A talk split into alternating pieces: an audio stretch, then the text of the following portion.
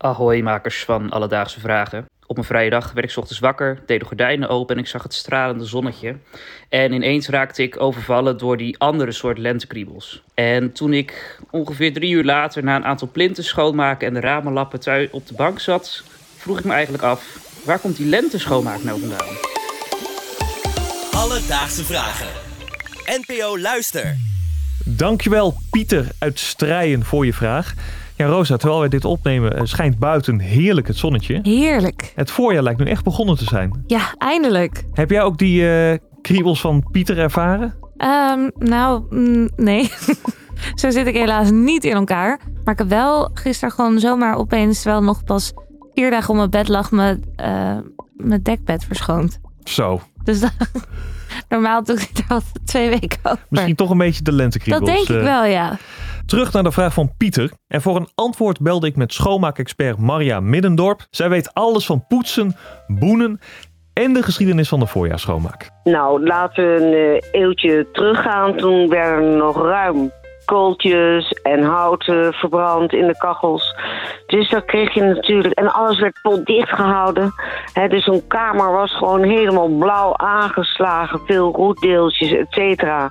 En dan kwam die eerste lentezon zo naar binnen schijnen. En dan dacht je, oh jeetje, wat ziet het er hier uit. Nou, en dan was eigenlijk de voorjaarsschoonmaak geboren. En dan gingen de ramen open, de kleedjes gingen naar buiten. Alles werd gesopt en gestoft en gedaan. En dat was de voorjaarsschoonmaak. Het heeft dus echt een eh, historische eh, achtergrond. Het is ook gewoon heel logisch dat het toen moest. Ja, kijk, ik kan me ook voorstellen dat het, wat zij zegt, dat die zon naar binnen schijnt. Dat je die, veel, die, die blauwe rook een beetje in de kamer ziet hangen. Van, van alsnog. de, ja, dat inderdaad. Ik kan gelukkig wel zeggen dat eh, mijn huis niet in zo'n staat is dat ik dat denk wanneer die eerste zonnestralen naar binnen schijnen. Nee, bij ons nog ook nog net niet. Maar soms zit het er tegen.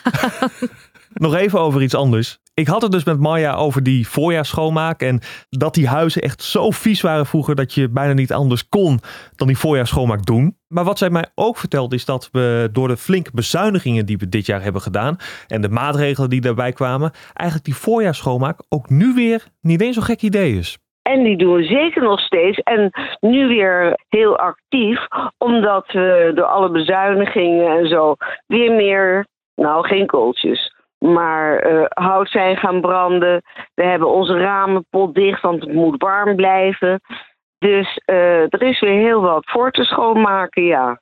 Misschien eh, wat- was dat het wel waarom Pieter zo enorm die eh, drang voelde. Dat denk ik. Door de Door het bezuinigen. bezuinigen. Alledaagse Vragen.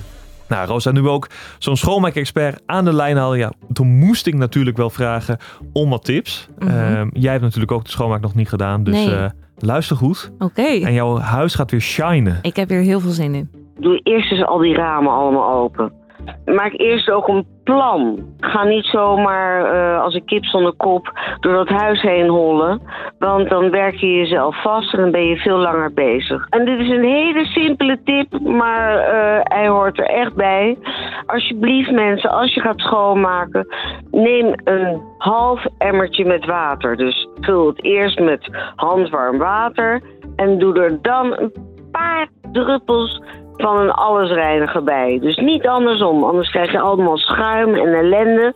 En een half emmertje. Waarom? Nou, in de eerste plaats is het makkelijk om te sjouwen. En als het omvalt, dan heb je niet zoveel leed. En je ziet wanneer je water vies wordt. Want heel veel mensen denken nog steeds dat je met één emmer water een heel huis schoon maakt, terwijl het water al hartstikke zwart is. Nou, dat gaat dus niet lukken.